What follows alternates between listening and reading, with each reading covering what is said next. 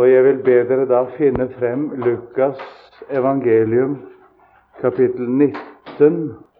Men først og fremst skal vi samle våre tanker i bønn. Kjære Jesus, jeg vil takke deg for at du kom, for at hver den som tror på deg, ikke skal fortapes, men ha et evig liv. Jeg ber for oss som er sammen her i klassen nå, at vi må få nåde til å tro på deg, Jesus. At det ikke må hende med noen av oss at vi skulle gå fortapt. Du er en frelser for fortapte mennesker. Du har kommet for å søke det som var fortapt for å frelse det. Og Herre, la oss få ha hjerter som frykter deg på den rette måten. La oss få ha det i oss, Herre, at vi tar vår tilflukt til deg, og at vårt hjerte ingen ro må finne uten i deg, Jesus. Det ber jeg om i ditt navn så ber jeg også om det jeg trenger i denne timen. Amen. Det som jeg ville dere skulle lese nå, er et, noe som vi kaller en lignelse. Det er ikke en av Jesu vanlige lignelser. Det er nemlig fire av Jesu lignelser som ikke er vanlige lignelser de er en spesiell slags lignelser i det de er eksempelfortellinger. Vi har f.eks. lignelsen om den rike bonde. Det er en eksempelfortelling. Samtidig er den som en lignelse. Men den er helt forskjellig fra de lignelsesfortellinger som vi finner f.eks. i Matteus 13 og lignelsen om kongesønnens bryllup og slik. Vi har det om fariseeren og tolleren i tempelet. Det er også en eksempelfortelling. Og så har vi da dette vi finner om den rike mann og Lasarus. Lukas 16, 19. Det var en rik mann. Der begynner vi. Vi har i Det nye testamentet en rekke eksempler på mennesker som ikke blir frelst. Det som er det alvorlige, er at de menneskene fortrinnsvis er hva man i daglig tale vil kalle bra og fremtredende og dyktige mennesker. Vi har f.eks. den rike unge mann som gikk bort fra Jesus og etter alt å dømme aldri kom tilbake igjen. Dessverre vi har den rike bonde som jeg nevnte i sted. Og for å si et par ord om han Dere husker han måtte rive ned sine lar, sine uthus, og bygge dem større for å få plass til avlingen sin. Nå vet dere at en gård som svarer seg så godt at husene blir for små, og en må bygge nye hus, den er drevet av en dyktig mann. Den er også drevet av en meget arbeidsom mann. Og den er drevet av en mann som lever et nøysomt og sparsommelig liv. For hvis en ikke gjør disse ting, får en ikke en gård til å svare seg slik at en opplever husene blir for små fordi avlingen øker så sterkt. Og i Israel er det slett ikke så lett med jordbruket, til tross for at det er et utpreget jordbruksland. Jødene er utpregede jordbrukere opprinnelig. Og landet er et fruktbart land. Men hvis noen tror det går av seg selv uten arbeid, da tar en meget feil. Det skal mye slit til det skal så mye omtanke til, megen dyktighet og en målbevissthet for å dyrke jorden slik som den rike bonde hadde gjort. Det hadde han gjort med tanke på sin fremtid. Det forstår vi av eksempelfortellingen. Og så får han lønn for sitt strev. Han oppnår det han har siktet på, og så skal han til å nyte det. Og da viser det seg altså at han er fortapt. Akkurat når han har nådd sitt mål. Da viser det seg at hans liv er forspilt. Vi er vant til med et forspilt liv å tenke på mennesker som ikke når sitt mål i livet. Men slik ser ikke Bibelen på det. Spørsmålet om et forspilt liv blir spørsmålet om man har vunnet frelsen i Jesus eller ikke. Det blir hovedsaken i Nytestamentets synspunkt. Det er mange av dem som Det nye testamentet fremstiller for oss som frelste mennesker. Som vi ville si det om at de har levd et forspilt liv, hva de også har menneskelig talt. Det ligger nokså nær å nevne røveren på korset. Men det er tydelig med røveren på korset han hadde hatt det vondt i sitt syndeliv. Han visste at hans liv var spilt. Det visste han. Han hadde ikke hatt noe å fylle livet med. Det er galt nok, men så ble han da frelst. Men legg merke til han ble ikke frelst fordi hans liv var spilt. Men han ble frelst fordi han kom til troen på Jesus. Og legg merke til røveren på korset. Han sier til den andre røveren, frykter du ikke engang for Gud, du som dog er under samme dom? Og vi med rette, for vi får igjen, og våre gjerninger har forskyldt. Men denne har ikke gjort noe vondt. Jesus, kom meg i hu når du kommer i ditt rike, sier han. For det første er det selverkjennelsen. Vi får igjen hva våre gjerninger har forskyldt. Men det er noe som er meget større i det ordet enn selverkjennelsen. Det er vitnesbyrdet om Jesus. Frykter du ikke engang for Gud, du som dog er under samme dom? Der sier han til den andre røveren at dette mennesket, som henger midt imellom dem, under samme dom som de selv, er Gud under synderes dom. Det hadde han skjønt ved det han hadde sett og hørt av Jesus. Sannsynligvis der på Golgata under hele korsfestelses- og lidelsesprosessen. Han var åpen, mottakelig for de inntrykk som kom fra Jesus. Så ble han overbevist i sitt hjerte om hvem denne mannen måtte være. Og du ser at det som var skapt i denne røveren, det var jo troen på Jesus som Guds sønn. Det var troen på at Gud var kommet under synderes dom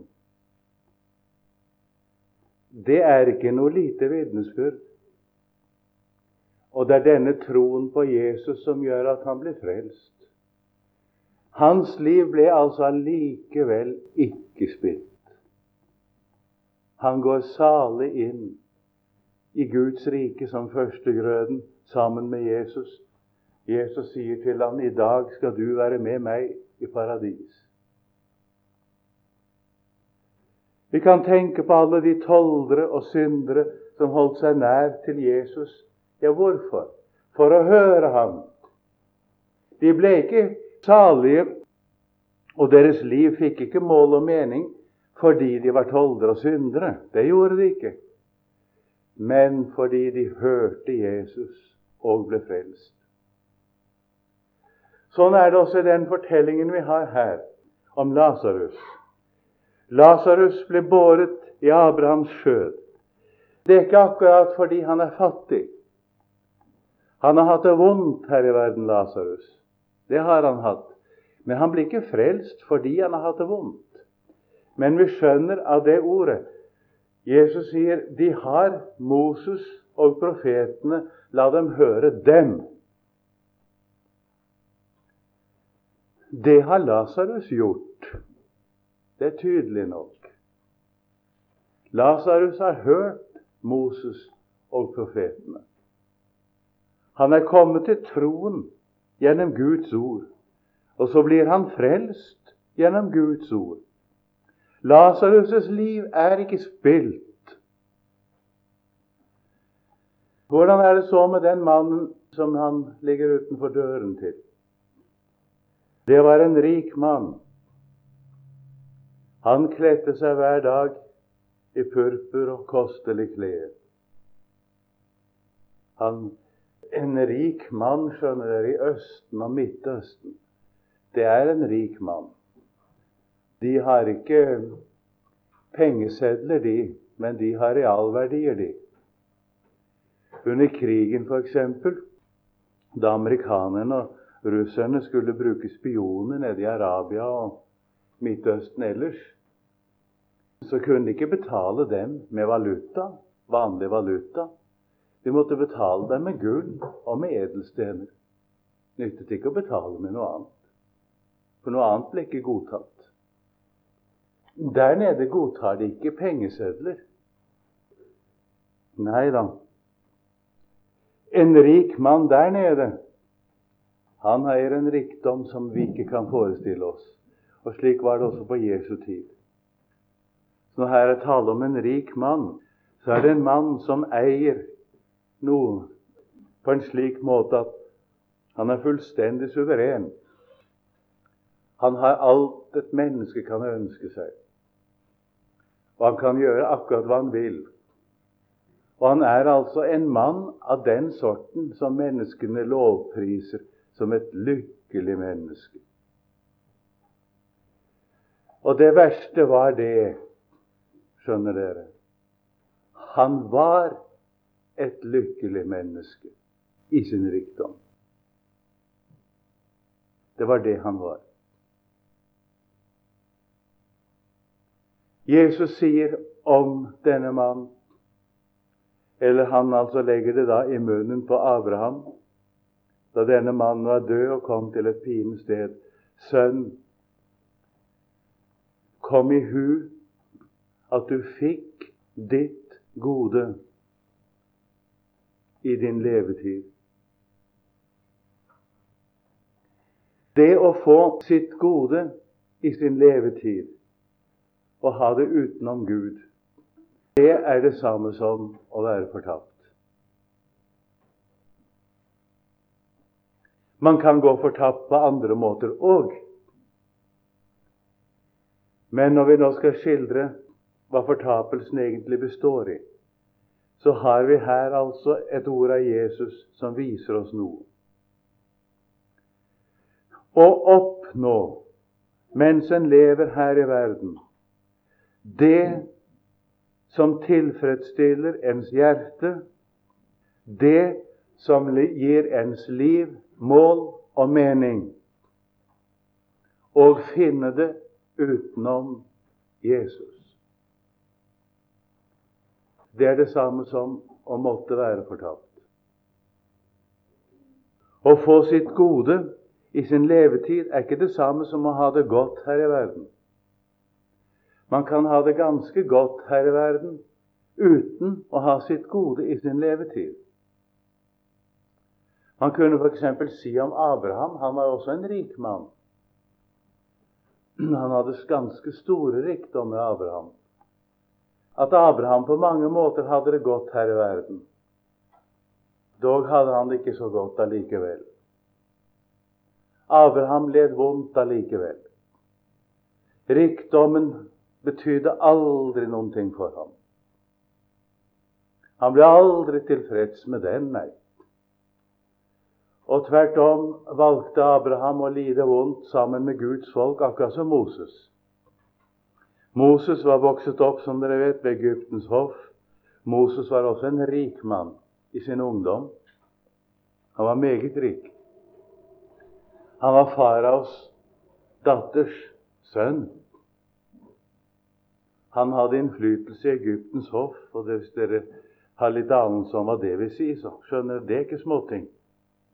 Han valgte å lide ondt sammen med Guds folk, står det.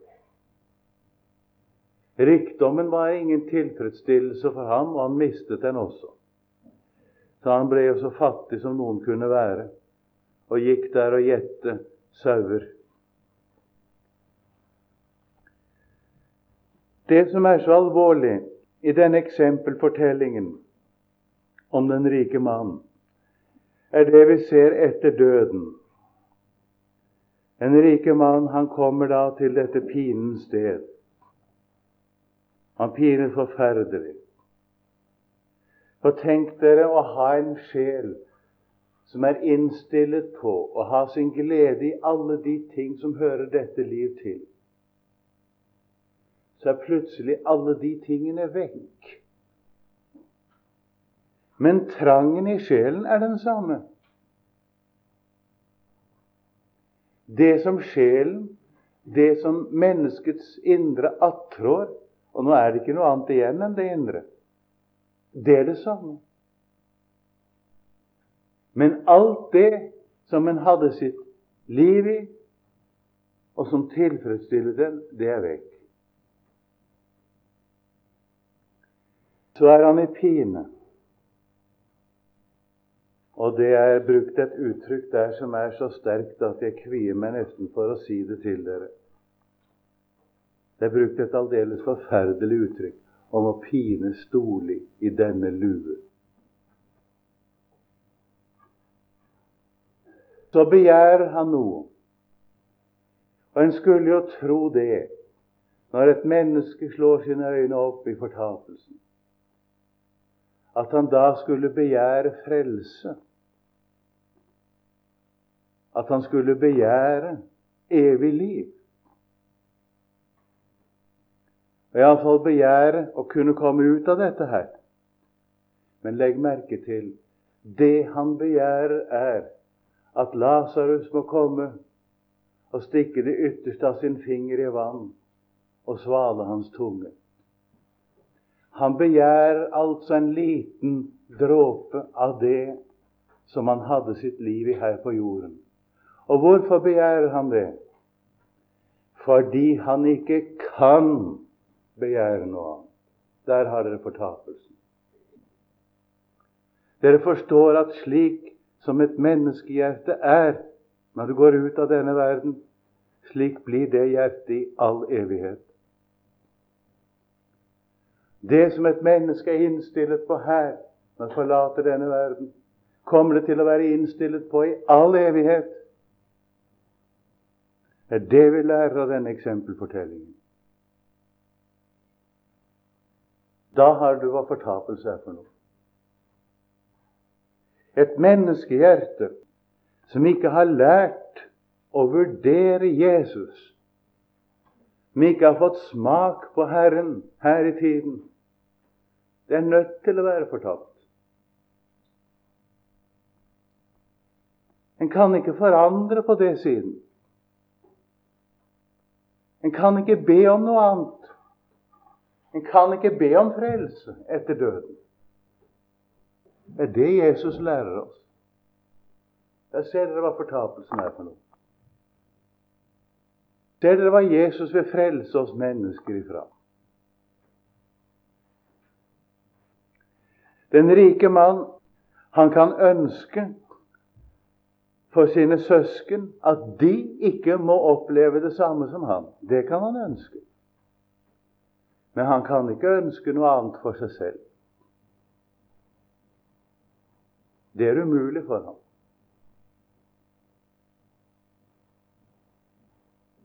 For å se dette i riktig relieff Så kan vi f.eks. tenke på Salme 73, hvor det står henimot slutten av salmen, der Asaf sier det Når jeg har deg, har jeg ikke lyst til noe på jorden. Der har dere motsetninger. Dere kjenner et ord fra en annen salme. Gud, du er min Gud. Jeg har intet gode utenom deg.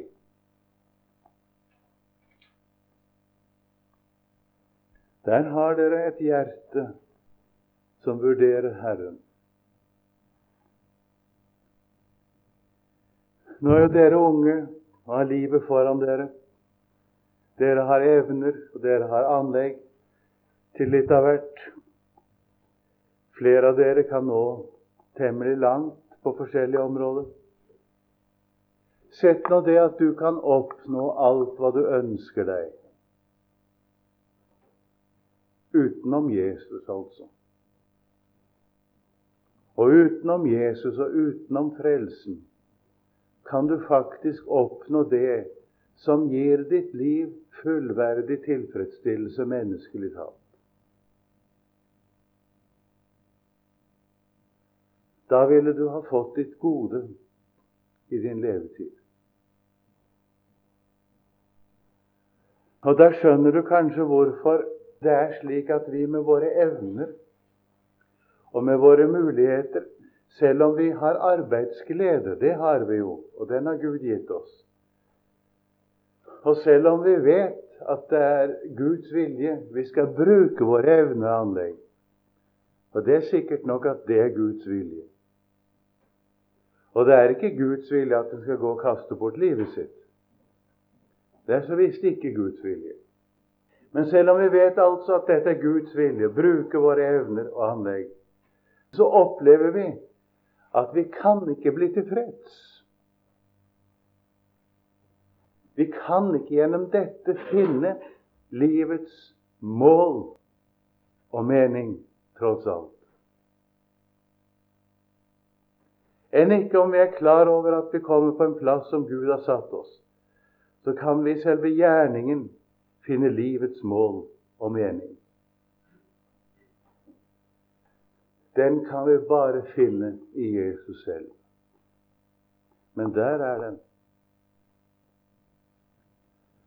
Og det er stort å vite at et menneske som tror på Jesus, har ikke i noe tilfelle kastet bort sitt liv. Selv ikke der hvor det menneskelig talt har mislykkes, er det bortkastet. Og om det har lykkes, som det har med Paulus f.eks. Det lykkes jo etter at han var blitt frelst.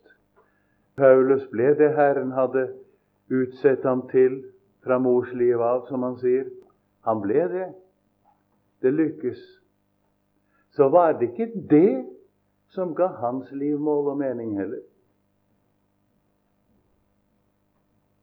Når vi snakker om kallet vårt, og vi tenker på det med en livsstilling, så husk på at du vil aldri bli tilfreds med kallet.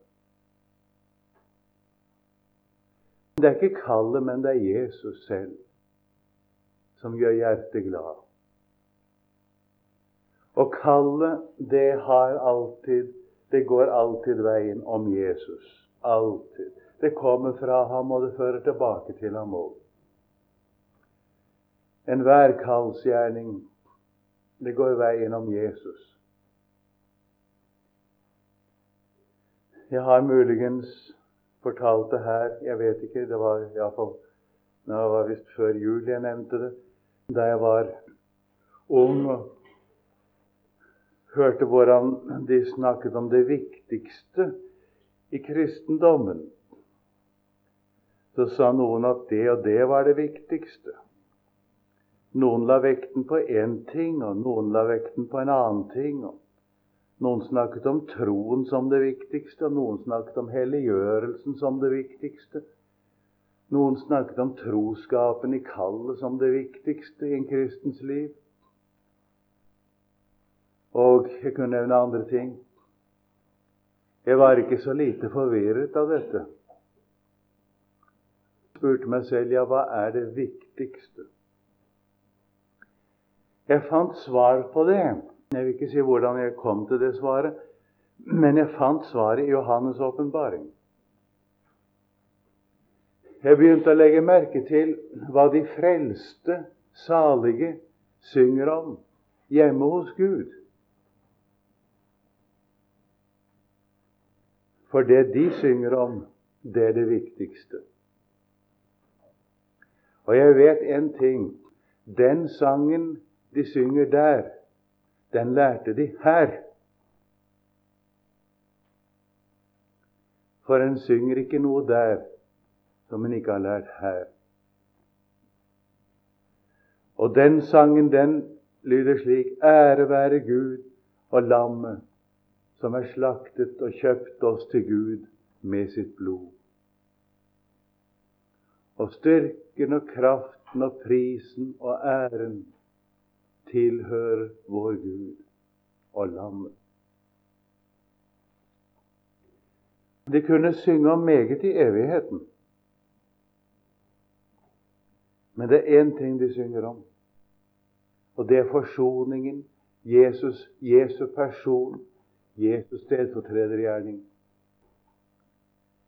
Det er det viktigste for de frelste salige. Det er det viktigste i en kristen liv. Du kan være sikker på at hvor det er noe som blir viktigere for en kristens hjerte enn Jesus selv og det han har gjort, der er det noe galt et eller annet sted. Selv om det er kallet, du, selv om det er arbeid i Guds rike, selv om det er det du skal være og gjøre som kristen,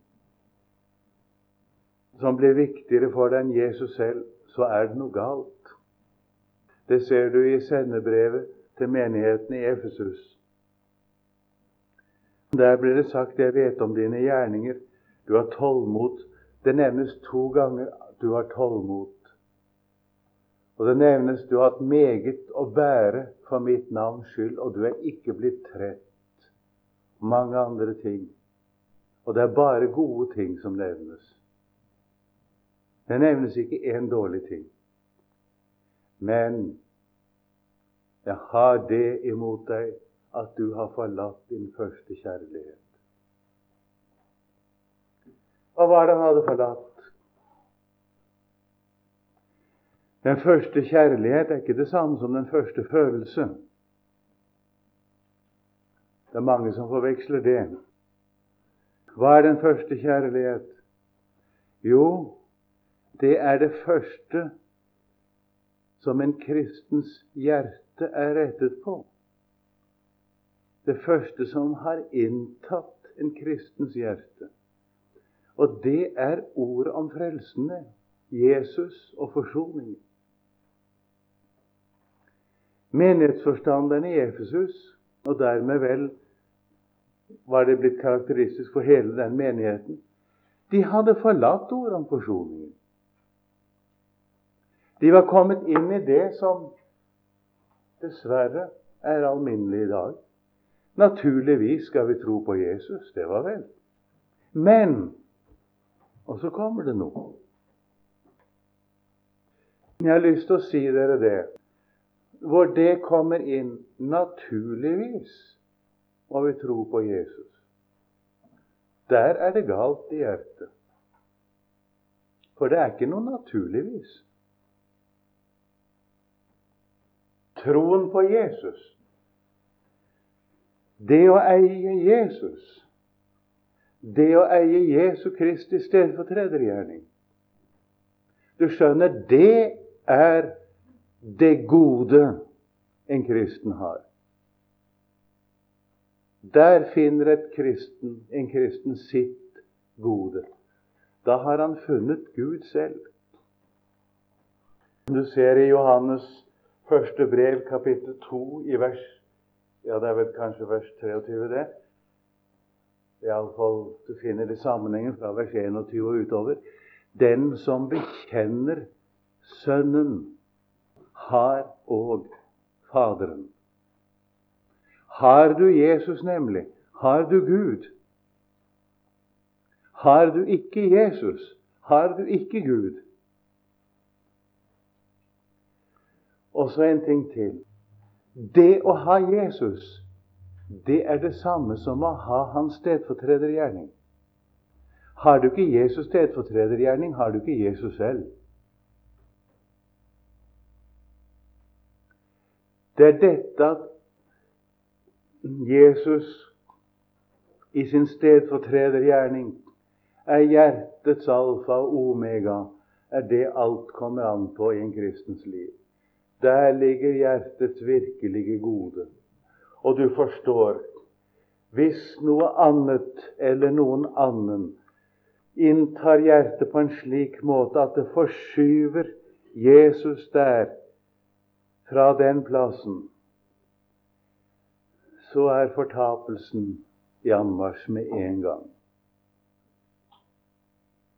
Og lykkes det for et menneske å finne sitt gode utenom Jesus, så er han fortapt. Han må være fortapt. Da har han fått sitt gode i sin levetid. Fått det utenom Gud. Da kan han ikke si 'Gud, du er min Gud, jeg har intet gode utenom deg'. Da kan han ikke si når jeg har deg, har jeg ikke lyst til noe på jorden. Ut fra det som jeg har talt nå, vil dere skjønne hvor stor en dårskap det er å nekte at det finnes en fortapelse. Dere kan skjønne at det finnes en fortapelse. Og for mange mennesker har den begynt allerede her i tiden. Du ser den rike bonden. Han sier, 'Sjel, slå deg til ro. Et, drikk, vær glad.' Nå har du alt det du ønsker deg. Det var nettopp det han hadde. Han hadde alt det han ønsket seg. Dermed var han fortapt. Du ser den rike mann levde hver dag i herlighet og glede. Og han kunne nyte det. Når et menneske er av sannheten, når et menneske virkelig har med Gud å gjøre, eller Gud har med et menneske å gjøre, så får han ingen tilfredsstillelse av noe her i verden. Det er sant. Men dere må ikke tro det. Det må dere på ingen måte tro at det ikke går an for et menneske å finne det som tilfredsstiller hjertet her i verden. For det går meget godt an. Men da har han heller ikke med Gud å gjøre. Der er fortapelsen. Og med det skulle jeg ha svart på dette spørsmålet. Og som dere skjønner, er det en uhyre alvorlig sak. Og det kan bare virke én ting, og det er å drive oss til Jesus og til Ordet. Og drive oss inn i den bønnen som forresten lever, er så typisk for en kristen. At du får gjøre med meg hva du vil, Herre. Bare jeg får være din. Bare jeg får lov å være der du vil ha meg og få lov å havne der du har satt målet for meg. Så tenker jeg det at vi skal stanse med det i denne timen.